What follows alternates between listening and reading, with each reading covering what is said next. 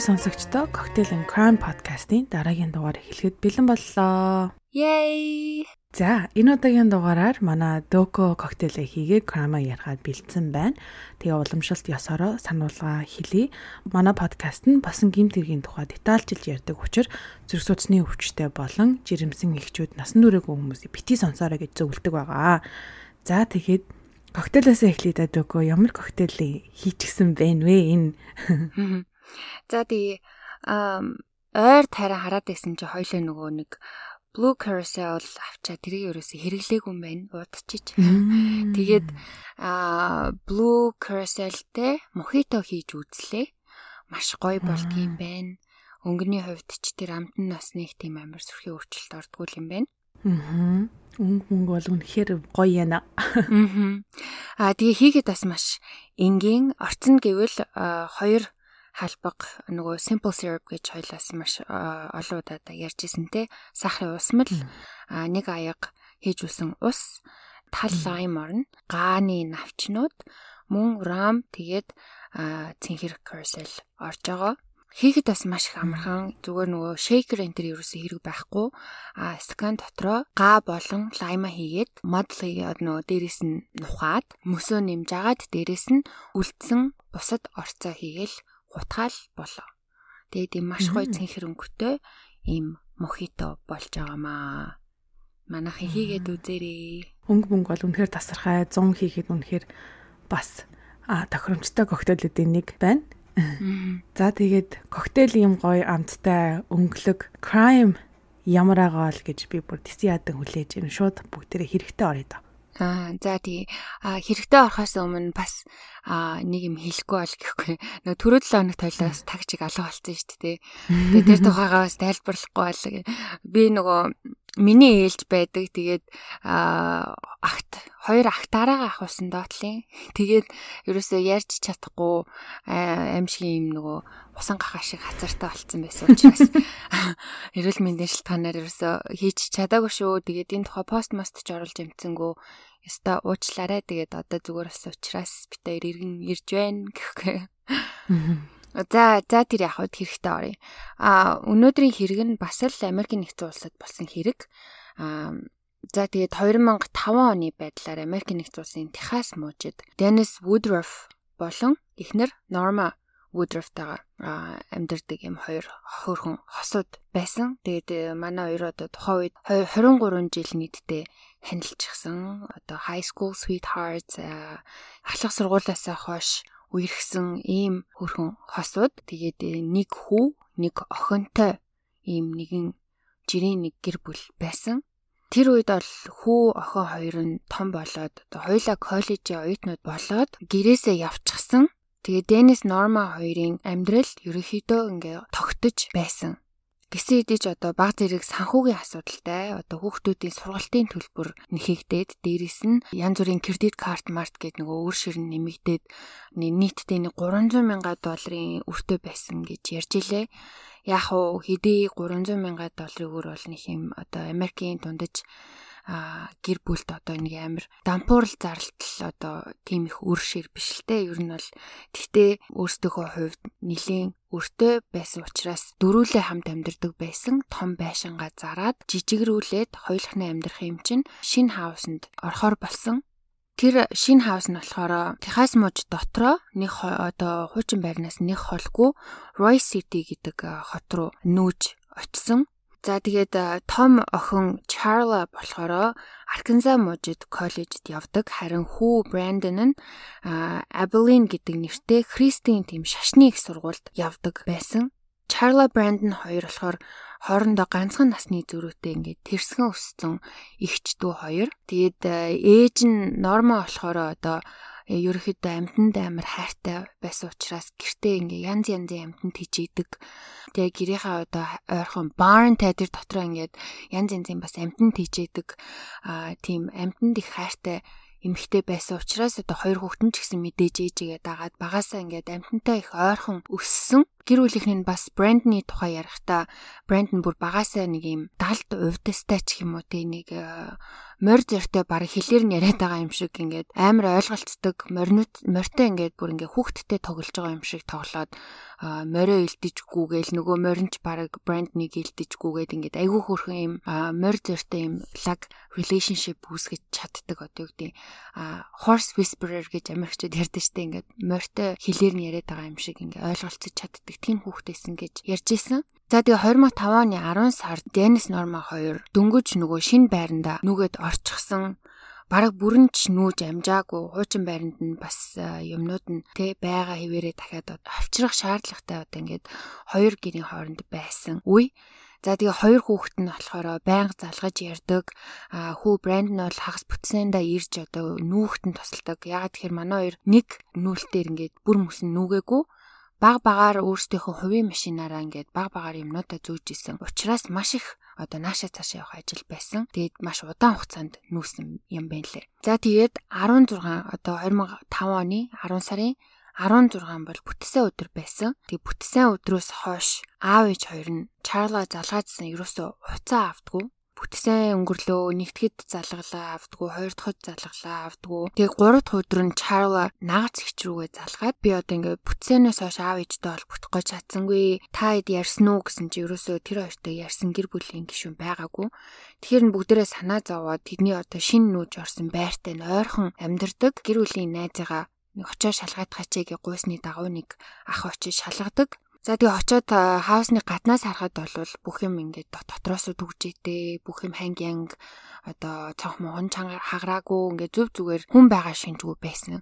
Тэгэхээр нь нөгөө залуучин нагац ихч рүү залгаад эднийд хүн байхгүй юм шиг байна гэсчгүй ингээ ерөөсөө уцаа авахгүй дотроо янз бүрийн болцсон юм шүү дээ чи ингээд яаж игээд гэрлүүний дотор нь ороод гэр доторхыг хараатах гэж хэлсний дагуу цонхыг хаглаад орсон. Тэгээд орсон чинь Денис Норма хоёр хоёлаа буудан дээрээ сууж идэв.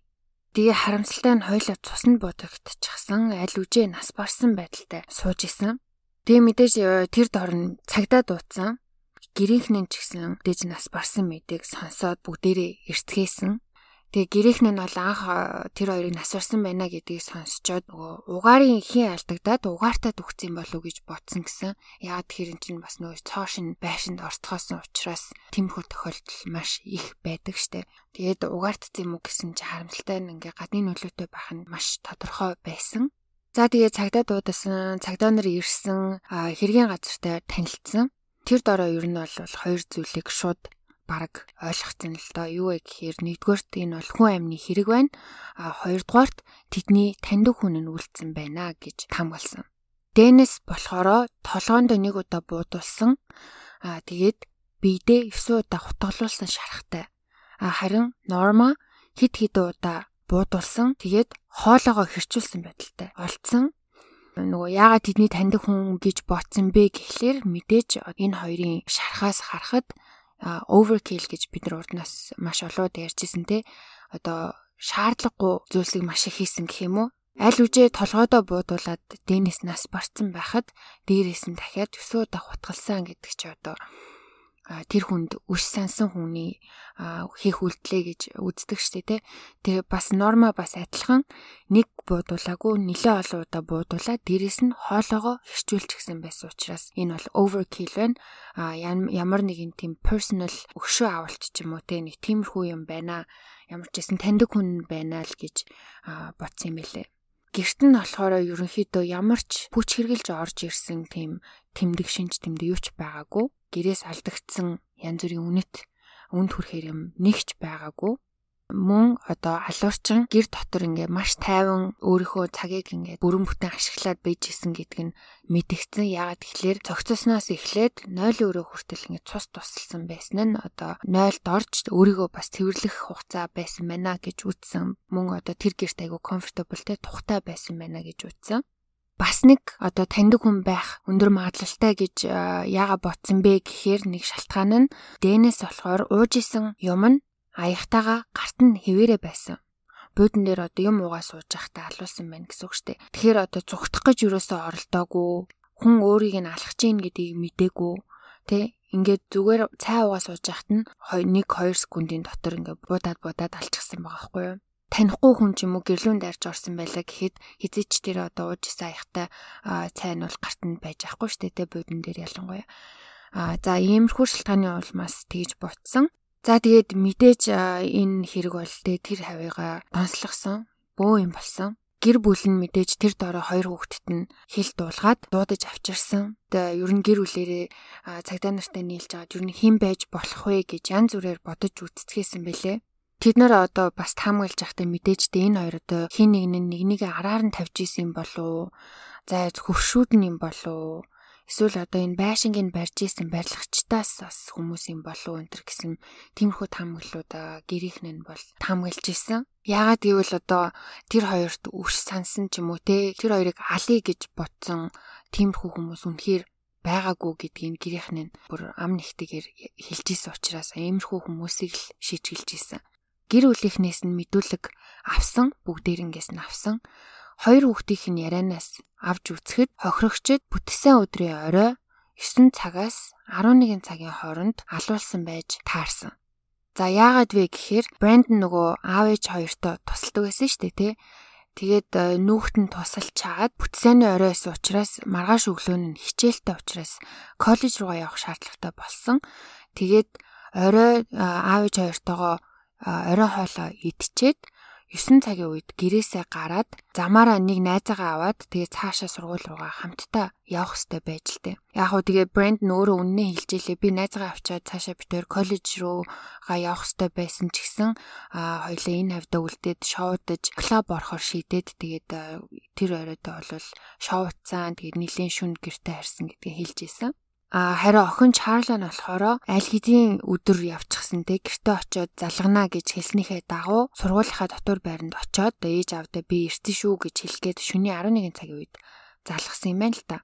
Тэгэхэд бол аав ээж хоёр нь ерөөсөө уцаа аваагүй. Тэгээд үзэхлээр ер нь бол хамгийн сүүлд тэр хоёрыг амьд харсан хүн нь хүүн брэнд нь олж таарж байгаа. Тэ 9 цагийн үед гэж хэлсэн.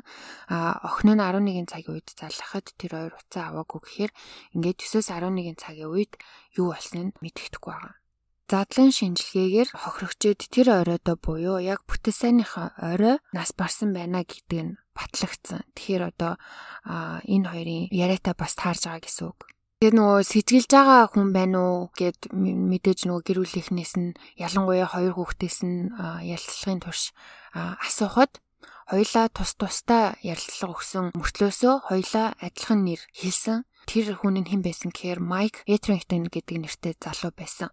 Энэ Майк гэдэг нь хэн бэ гэхээр Брандны 10 жилийнх нь best friend тэ хамгийн сайн найз нь байсан. Гэхдээ 10 жилээ төгсөөд яг юунаас болсныг мэдгүй. Гэхдээ энэ хоёр найзууд байхаа болсон нэг ийм залуу байсан. Тэгээд Брандон хэлэхдээ одоо хэдэн 7 хоногийн өмнө Майк над руу мессеж бичсэн. Тэг шөнийн 11 цагаас үүрийн 4 цаг хүртэл ингээд 16-аас 18 ширхэг юм мессеж надад ирсэн. Тэрэн дээр бол ерөөхдөө утга агуулгын те би 10 жилээ төгссөнөөс хойш маш их өөрчлөгдөж одоо том болсон.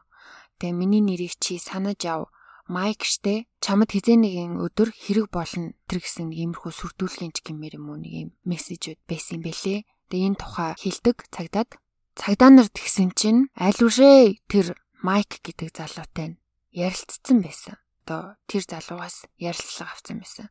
Тэгсэн чинь Майк харин маш их мэдээлэл өгсөн байсан хохирогчдын тухай одоо ингээ мэдээ гарсан чинь тэр хав нөгөө нэг маш жижигхэн хот те иймэрхүү амир хэрэг мэрэг болдоггүй учраас тэр хавийн хүмүүс бүр энэ хэрэгт одоо туслахаар маш их хичээж исэн гэх юм уу.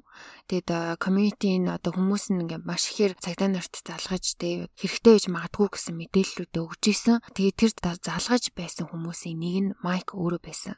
Одоо цагдаа нар тэр хүүхдээ араас очоогүй Майк өөрөө цагдаа руу залгаж мэдээлэл өгсөн болж таарсан. Майкийн яриагаар бол ерөнхийдөө Брэндон Майк хоёр тэгээ дээрээс нь дахиад нэг хоёр залуу тэг ингээд дөрүүлээ 10 жилийнхаа ахлах ангиасаа маш сайн найзууд байсан гинэ ингээд дөрүүлээ ингээд нийлдэг. Тэгсэн чинь одоо 9 дугаар ангиас хойш амар сайн найзууд байсан бижиж 12 дугаар ангидаа гинт Брэндон эрс өөрчлөгдөж эхэлсэн гэсэн. Нөгөө гураасаа илүү өөр одоо ийм арай нэг баян чинэлэг айлын хүүхдүүдтэй найзлаа. Тэгээ гаднаас нь харагдах байдлаараа хүртэл стил имиж нь өөрчлөгдөөд илүү үнэтэй хувцас өмсдөг болоод урд нь Texas мужийнхан нөгөө нэг жоохон cowboy стил нэртэй шүү дээ. Нэг тиймэрхүү стилтэй cowboy жоохон хөдөөний стилтэй байсан бол 12 дугаар ангид оронгуудаа жоохон ийм маягтай тэгээ жоохон юм брэнд энэ төр хөөсөн хүүхдүүдтэй найзлаад тийм брендинг хувцас энэ төр өмсдөг болсон юм бэлээ. Дээрээс нь майк хэлэхдээ Брэндон амтан энтер тамлах тухай амар их ярьдаг те амтан нэг муурыг өстой би ээж ингэж жаалаад тэгэж ч одоо хурдны зам руу одоо гүүрнээс шидээд мэдээд гэж иймэрхүү юм юм ярьдаг болсон гэсэн. За тэгээ дээрэс нь нэг том юм хэлсэн нь Brandon MySpace хуудсанда одоо MySpace гэдгийг манайхан бидний үеийнхэн бол амар сайн мэдж байгаа. Гэхдээ мэдгүй хүмүүс байх юм бол одоогийн Facebook шиг нэг тийм цахим хуудас байдаг гэсэн. Тэгээд MySpace-ийн хуудсан дээрээ аав ээжигээ маш ихээр үзэн ядчихээн энэ хоёр ухчээсээ энтер гэсэн статус бичсэн байсан гэж Майк хэлсэн. За тэгээд одоо дээрэс нь энэ Брандон Чарла хоёрын мэдүүлгийг бас сонсоход хоёлаа ингээд бүр шал өөр өөр гэр бүлийн тухай яриад байгаа юм шиг ийм мэдээллүүд өгч исэн. Брэнд нь болохоор тийм манай гэрүүл ямар ч тийм өөсөв байхгүй одоо юу гэдгийг бусдын ладл юм гэрүүл манай аав ээж хоёр маш а loving те хайр халамжтай а манад үл тийм асуудал ямар янз бүрийн асуудал асуудал бол байгаагүй гэж хэлсэн бол Чарла болохоор манай аав ер нь бол амар түргэн ууртай. Тэгээд бид нар лөө жоохон байгаа үедээ хашгирчдаг. Тэгээд мэдээж гэр бүлийн хэрүүлэлт мэдээж байдаг байсан. Брэндон бас манай аавыг дуурайгаад тийм түргэн ууртай, айгүй авиртай бит хоёр жоохон байхад намайг бас зодож моддог байсан. Тэгээ мэдээж том болоод зүгээр алцсан л доо. Гэтэ ер нь бол багтаа амар түргэн ууртай намайг ингэж надад гар хүртэл хүрдэг байсан гэж Чарла ярьсан. За тэгээд одоо энэ иймэрхүү шалтгаанууд нэмэгдээд одоо дээрэс нь нөгөө таймлайныг нь харсаар ер нь бол цагдаа нар хамгийн сүүлд Брэндон гэрээсээ явсан гэснээс хойш хохирогчдтой ерөөсө уултсан ч юм уу эсвэл ярьсан хүн ерөөсө байгаагүй, ерөөсө олоогүй. Тийм учраас мэдээж Брэндон одоо хамгийн сүүлд харсан хүн болж таарж байгаа учраас дахиад ярилцахаар Брэндоныг цагдаа дээр дуудсан. Энэ удаа бол цагдаа нар Түүнээс одоо хохирогчдын ар гэрээс нь мэдээлэл цуглуулах журмаар биш харин сэжигтний үүднээс ярилцахаар дууцсан. Брэнд нь болохоор мэдээж буруугүй гэдэг дээрээ бат байсан. Тэгсэн эдээ ч удалгүй аав ээжийнхээ аминд санаатай хүрсэн гэсэн хэрэгээр баривчлагдсан. За тэгээ брэнд нь баривчлагдсан чинь нөгөө ар гэр нь мэдээж бүгдээрээ шоконд орсон.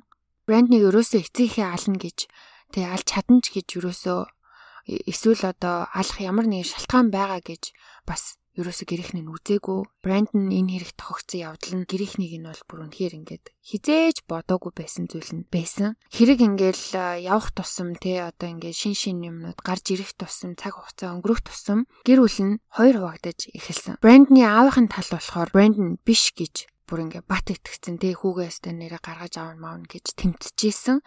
Харин ээжийнхэн тал нь ер нь энэ брэнд нь чинь тэ буруутай юм биш үү? Ер нь брэнд нь хийц юм биш үү гэж тэнглэлцэж эхэлсэн юм бэлээ.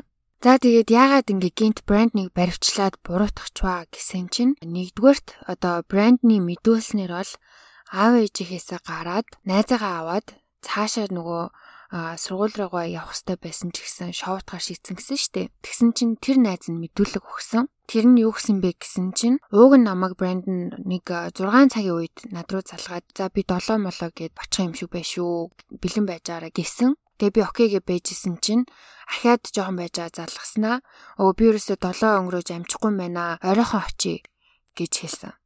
Тэгээ би хүлээгээд байсан ч юусоо ирээгүй. Тэгээ залхахаар юусоо уцаа авахгүй. Хариу юусоо өгөхгүй байсан. Тэгээд э, нилээд залхасны дараа 10 цагийн үед нэг юм уцаа авсан. Тэгээ уцаа авахтаа брэнд нэг юм гүүж байгаа ч юм шиг эсвэл яг гүүж байгаа зогссон ч юм шиг юм маш их амьсгаатчихсан байдалтай надтай ярьсан. Яг 11 өнгөрөөгөө очие гэж хэлсэн байгаа. Уул нь бол яг тэдний төлөвлснөөр бол тухайн залууг брэнд нь гэрээс нь авах хэрэгтэй байсан бол энэ удаа ярихдаа брэнд нь чи Денис гэд хоолны газар гэртээ нөрхөн байдаг. Тийш тэнд ороо байж би тэндээс чамайг авъя гэж хэлсэн бэлээ. Тэгээ хэлснийхэн дагуу тэнд нь очиод байжсэн.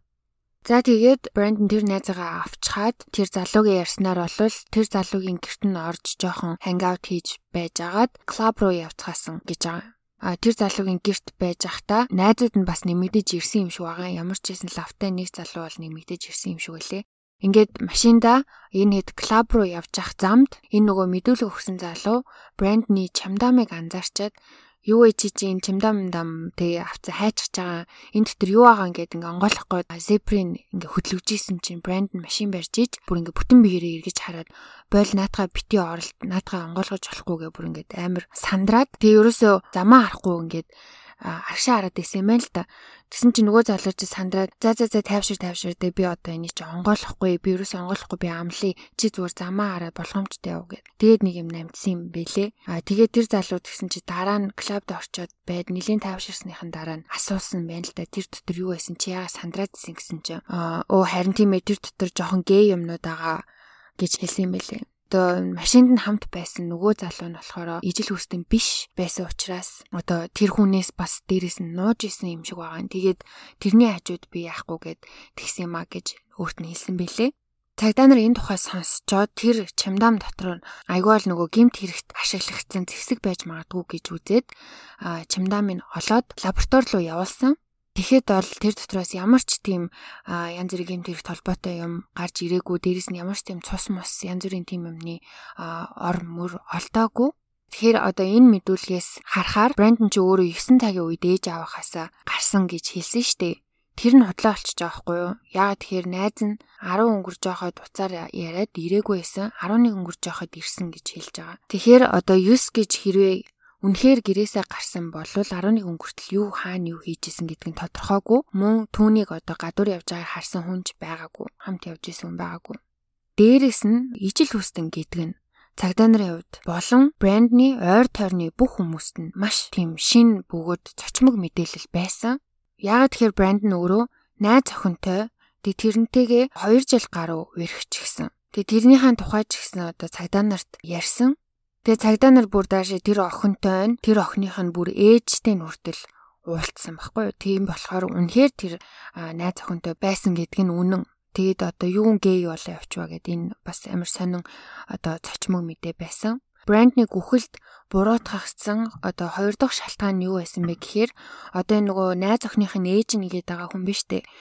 Энэ болохоор Брандонд бүр амар хайртай бүр өөрийнхөө хүүхчиг хайрладаг байсан. Бүр одоо өнөөдрийг хүртэл ингээ 2022 оныг хүртэл түүнийг энэ хэрэгт буруугүй гэж тэр эмэгтэй үзддэм билээ.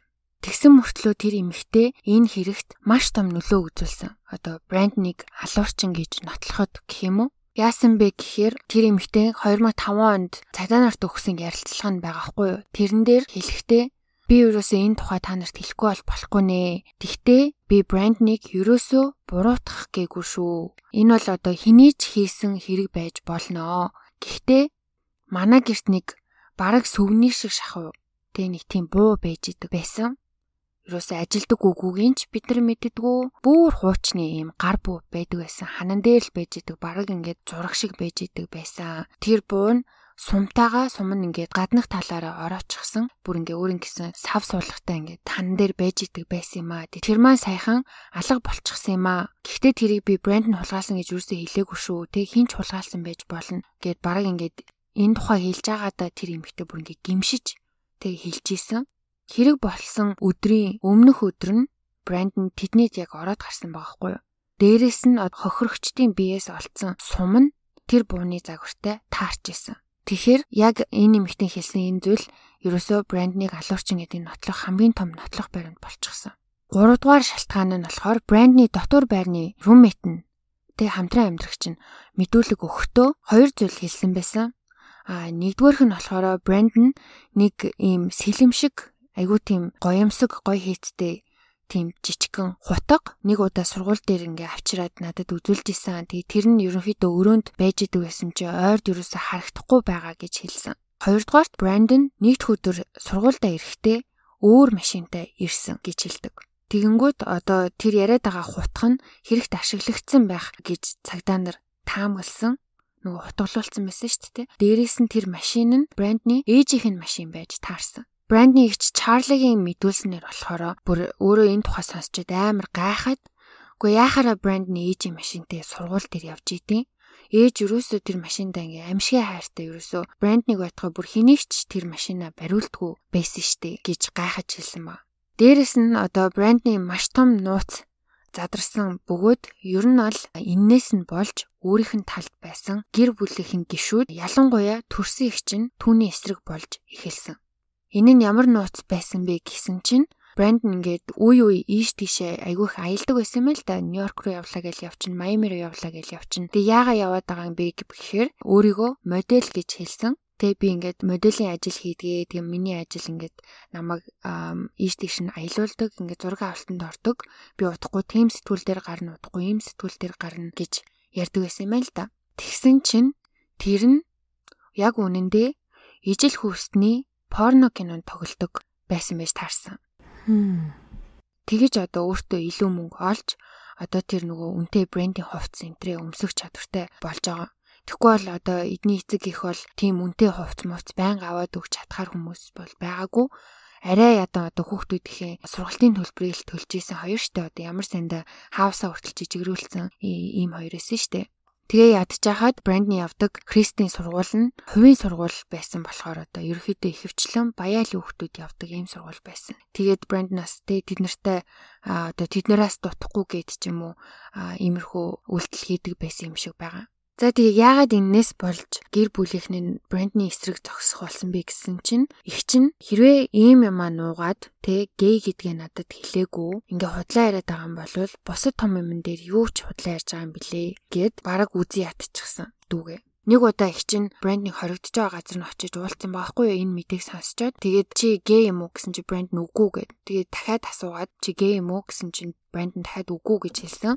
Тэгээд тэр уулзалтаасаа гараад их чинь шууд цагдаагийн газар очоод цагдаа нартай ярилцсан бичлэг нь байлээ. Тэгээ тэр бичлэгэн дээр ингээд их чинь бүр ингээд зэвүүн хүрсэн юм шигтэй тиймэрхүү өнгө аястай ярьжсэн. Би дүнгийн брендэн дээр очичоод ирлээ. Би тэрнээс гээ юм уу гэж асуусан чи үгүй гээ гүрийгээд байна. Тэгээд ингээд төрсөн ихчтэй энэ өөрийнхөө энэ sexual тэ orientation-ы тухай зөв үннээ хэлчих чадахгүй байгаа юм бол өөр бусад юун дээр ч худлаа ярьж байгаа юм билээ би бол итгэхгүй энэ брэнд нугасаа аав ээж хоёрыг алсан гэдэг нь тодорхой. Хэрвээ брэнд нь шоронгоос гарах юм бол би өстой am out of here би бүр эндээс ингэ зайлаад үгүй. Энтергээ бүр амар уурлаадсэн их чинь. За тэгээд ингээд ерөөхдөө иймэрхүү шалтгаануудын улмаас брэнднийг буруутай гэж үзээд шүүх хурал болсон. Тэгээ мэдээж шүүх хурал нилээ наашаа цаашаа зөндөө юм болсны эцэс брэнднийг буруутай гэж үзээд насаар нь хойрох ял өгсөн. Дээрээс нь ямар ч цагаасаа өмнө суллагдах ямар ч эрх байхгүй. За яллагч талд бол ерөөхдөө ямар ч тийм бийт нотлох баримт байгаагүй. А гэхдээ брэнднийг одоо хоёр өөр давхар амьдралтай мөн дээрээс нь мөнгнөөс болж аав ээжигээ хөнөх болсон гэж одоо түүний алах болсон шалтгаан Моривийг тайлбарлаж байсан. Яагаад мөнгө гэж байгаа вэ гэхээр Брэндон нөгөө их сургуультай орсноос хойш ер нь хичээлдээ их муу байсан. Өглөө нь унтчихдаг. Тэгээ хичээлээсээ хоцрохлоор сургууль нь маш чанга дэглэмтэй учраас тэрийг нь ингээд тасаар тавьчихдаг тий. Тэгээд хэдэн удаа ч үлээ хичээлээ тастай уйл шууд унгаачдаг ингээд. Тэгээд улираад сурангуут чинь Тэр чинь бас л хувийн сургууль их төлбөртэй мөнгөний зарлага болж исэн. Тэцэг их хоёр нь нөгөө сургалтын төлбөрийг төлж исэн учраас аав нь тэгжилсэн гэсэн хэрвээ чи энэ семестр дахиад унах юм бол төлбөрийг чинь би цаашид төлж өгөхгүй чамайг сургуулиас чинь гаргаад гэртээ авчирээ шүү гэж нээсэн юм байлээ. Тэгэхээр одоо тэд нэр тайлбарлахдаа мөнгнөөс болж те одоо угаасаа хичээлдээ муу байсан учраас сургуулиасаа хөөхтөн тодорхой болчихсон байсан учраас эцэг ихээ хөнөөсөн гэж ярьж исэн. За тэгээд Брэндон одоо өнөөдрийг хүртэл Техасын мужийн шоронд хоригдож байгаа. Энэ хэрэг дээр бол тийм ч их мэдээлэл энтер бол байгаагүй. хамгийн их мэдээлэлтэй байсан зүйл нь ABC News-ийн 2020 гэдэг нөгөө урд нь бас зөндөө ярьжсэн те нэвтрүүлэг дээр гарсан нэг эпизод байсан би тэндээс олж үзсэн. Нэмэлт мэдээлэл хай гэхлээр ойлгохтой мэдээлэл бол байгаагүй. Тэр нэвтрүүлгээр бол нөгөө алдарт хөтлөгч Джон Кинянас Брэндонтэй очиж уулзсан байлээ энэ жил. Энэ жилийн ихээр. Тэгээд нэлийн хөгшөрч гсэн тэгээд юм амар нүдэнд нь бол жоохон тийм айдас харагдажсэн. Тэгээд хөтлөгч асуугаад чи үнэхээр те 2005 онд эцэгхээ алсан уу гэсэн чинь одоо хүртэл брэнд нь үгүй би юус аав ээжийг алаагүй гэдэг дээрээ бат зогсож илээ. дээрэс нь одоо түүнийг буруугүй гэж маш олон хүн итгэдэг учраас түүнийг бас гаргаж авахаар Innocence Project энэ төр оруулахаар маш олон ажиллаж байгаа юм билэ. Тэгээд яг тийм hard evidence те бит нотлох баримт байхгүй бах чинь зүгээр ийм хүмүүсийн яриагаар те таамгаар хүнийг шоронд хийцэн гэдэг үндсээр буруугүй гэдгийг нотолж дахиж trial өгөх юм уу эсвэл бүр мөсөн шоронгоос гаргаж авах гэж ажиллаж байгаа юм билээ. За тэгээд нэг ийм хэрэг байна. Тэгээд хэдий одоо бит нотлох баримт байхгүй ч гэсэн маш олон зүйл бренднийг одоо буруутай гэдгийг харуулж байгаа юм болов миний хувьд бол би бол бодохдоо брэнд нь буруутай гэж ботсон. Тэгээ та хэд маань бас хэрвээ боломж болцоонд байгаад тухайн нэвтрүүлгийг олж үзэж чадвал бас юу гэж бодсноо хэлээрээ. Тэгээ яг нэг ганц эргэлзээсэн зүйл нь брендний өөрийнх нь одоо тэр байгаа байдал нэсэн. Залуудаа тэг жоохон бахтаа болвол одоо зураг мөргөн дээр шал ондол харагдаж байгаа юм л та. Гэхдээ одоо ингээд энэ олон жилийн дараа очоод одоо өөрийнх нь яг видео бичлэгийг үзэхэд нүд нь бүр ягаад ч юм нэг юм цаанаасаа амир гин буруугүй ч юм шиг амир тийм өрөвдөлтэй ч юм уу нэг тийм нүдтэй юм бэлээ. Тэгээд тэрийг харчаад яана эмчтэй бас буруугүй юм биш үсттэй гэж нэг зурсхан бодчоод тэгвээ ялтчгүй брэнд нахаа гэж буцаад гэж бодогцсон. Би ингээд сонсож байхад надад л амар ийм маш олон мэдээлэл байна бүр ингээд тал талаас яг буруутай ч юм шиг буруугүй ч юм шиг имээр яг ийм баттай ДНК холбогдоогүй олдоогүй тий тийм баримт байхгүй байгаа болохоор бас яг ингээд хэнийг брендинг буруутай гэхэд амар хэцүү. Гэхдээ одоо яг ингээд юу хиймдээ түүхийг нь ингээд харж байхад магадгүй найз охинтой байсан. Тэгснээ өөрөө ийм тий гей одоо порнд тоглож исэн, тэгж мөнгө олдог байсан. Ингиж клуб тэг гей клубаар явж одоо шоусдаг байсан юм магадгүй юм өөрөө өөрийгөө хүлэн зөвшөөрөөгүй байсан юм болов бас гарч ирээгүй те яг 100%. Тэгээ ээж тэг ядж байхад дээр нь өөрөө тийм христийн сургуульд явдаг те хувийн ээж аав нь төлдөг. Магадгүй ээж аав нас тэрийг нь амар эсэргүүцээд тэрнээсээ болоод гэсэн хийж байгаа аавыгаа хүнөөсөн байх магадaltaй. Надад тэр юу амар сонин санагдаад байлаа. Тэгэж хэлсэн тэр school байхдаа ахлах сургуульд байхдаа найзалж исэн найз Майк тэ? Мм нэг тийм сонин мессеж Брэндонд хэлсэн гэлөө. Майк гэдгийг одоо санаж яваарай ч юм гэсэн гэсэн гэлөө. Тэрийг би бас ингээ бодоод гайхаад лээ. Тэр хоёрын хооронд юу тэр хоёрын дунд юу болсон юм бол яагаад найзлахаа болсон юм бол? А Майкийн тайлбарласнаар болохоор тэгсэн штэ нөгөө өөрөө группээсээ брэнд нь ч өөрийгөө тусгаарлаад илүү юм бүүши охтууд охтууд гинэ залуучуудтай найзлаад эхэлсэн чинь тэрэнд нь жоохон ингээд одоо игдүүцээд гэх юм уу те. Тэгээд юу яц юм шүл штэ одоо группээр жийцэн ч юм уу одоо тэр хоёрын дунд юу ч болсон те тиймэрхүү юм болсон юм шүү лээ. Гэтэ ер нь бол бүх мэдээлэл яг брэнд нь л үл заагаад байна л да. Яалтчгүй тий. Аа. Би бас тэгэж ботсон.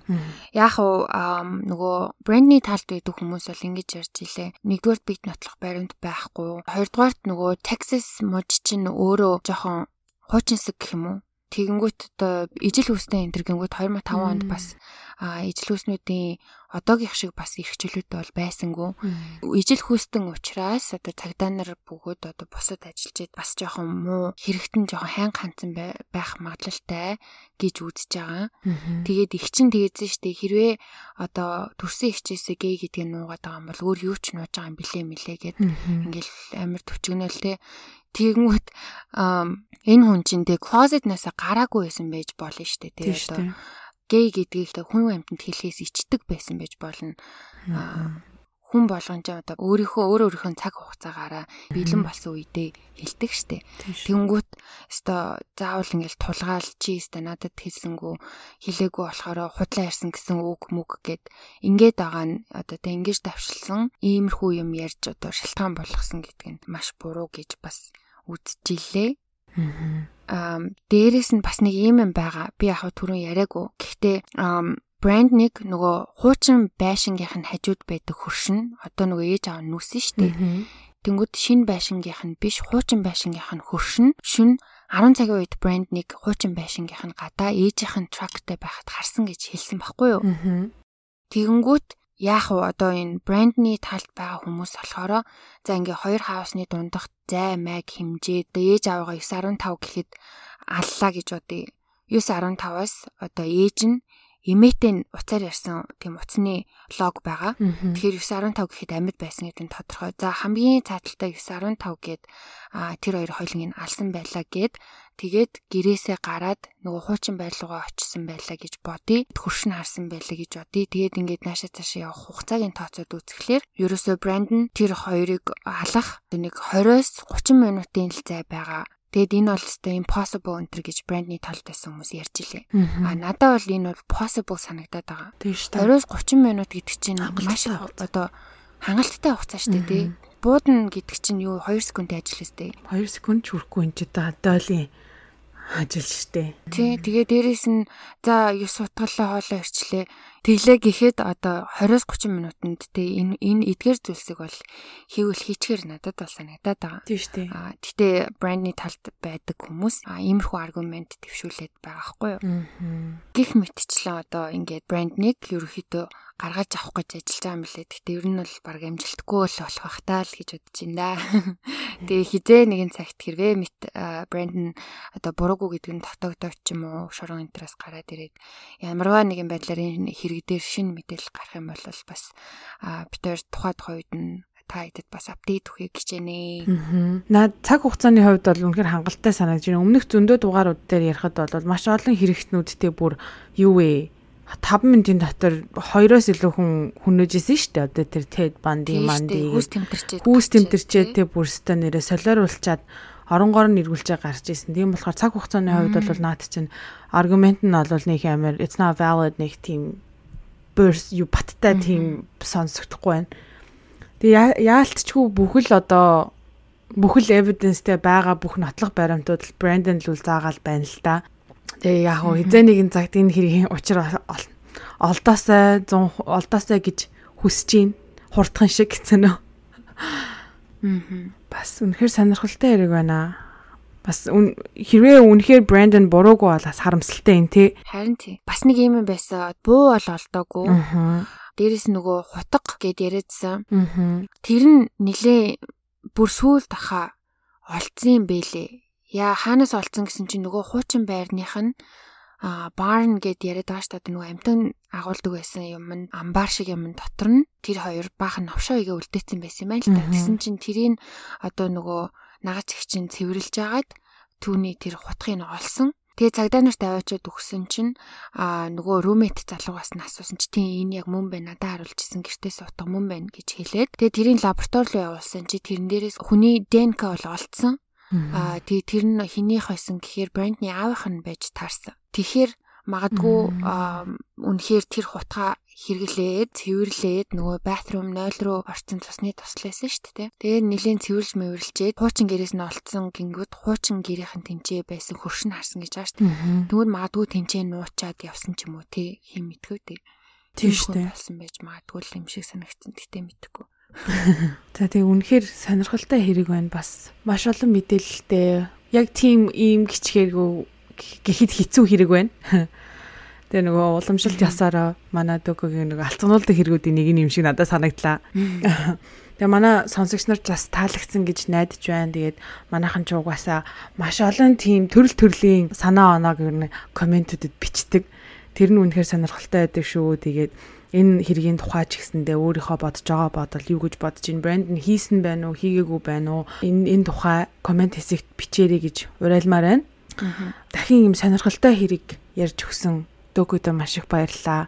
Ер нь одоо ингээд чиний ийм э, яг хариулт ингээд нөгөө нэг 100% биш юм доо хэрэгүүдийг чинь сонссоор байгаа одоо дуралдаг болцсон байна. Урд нь амар хэцүү юм шиг санагддаг байсан чинь.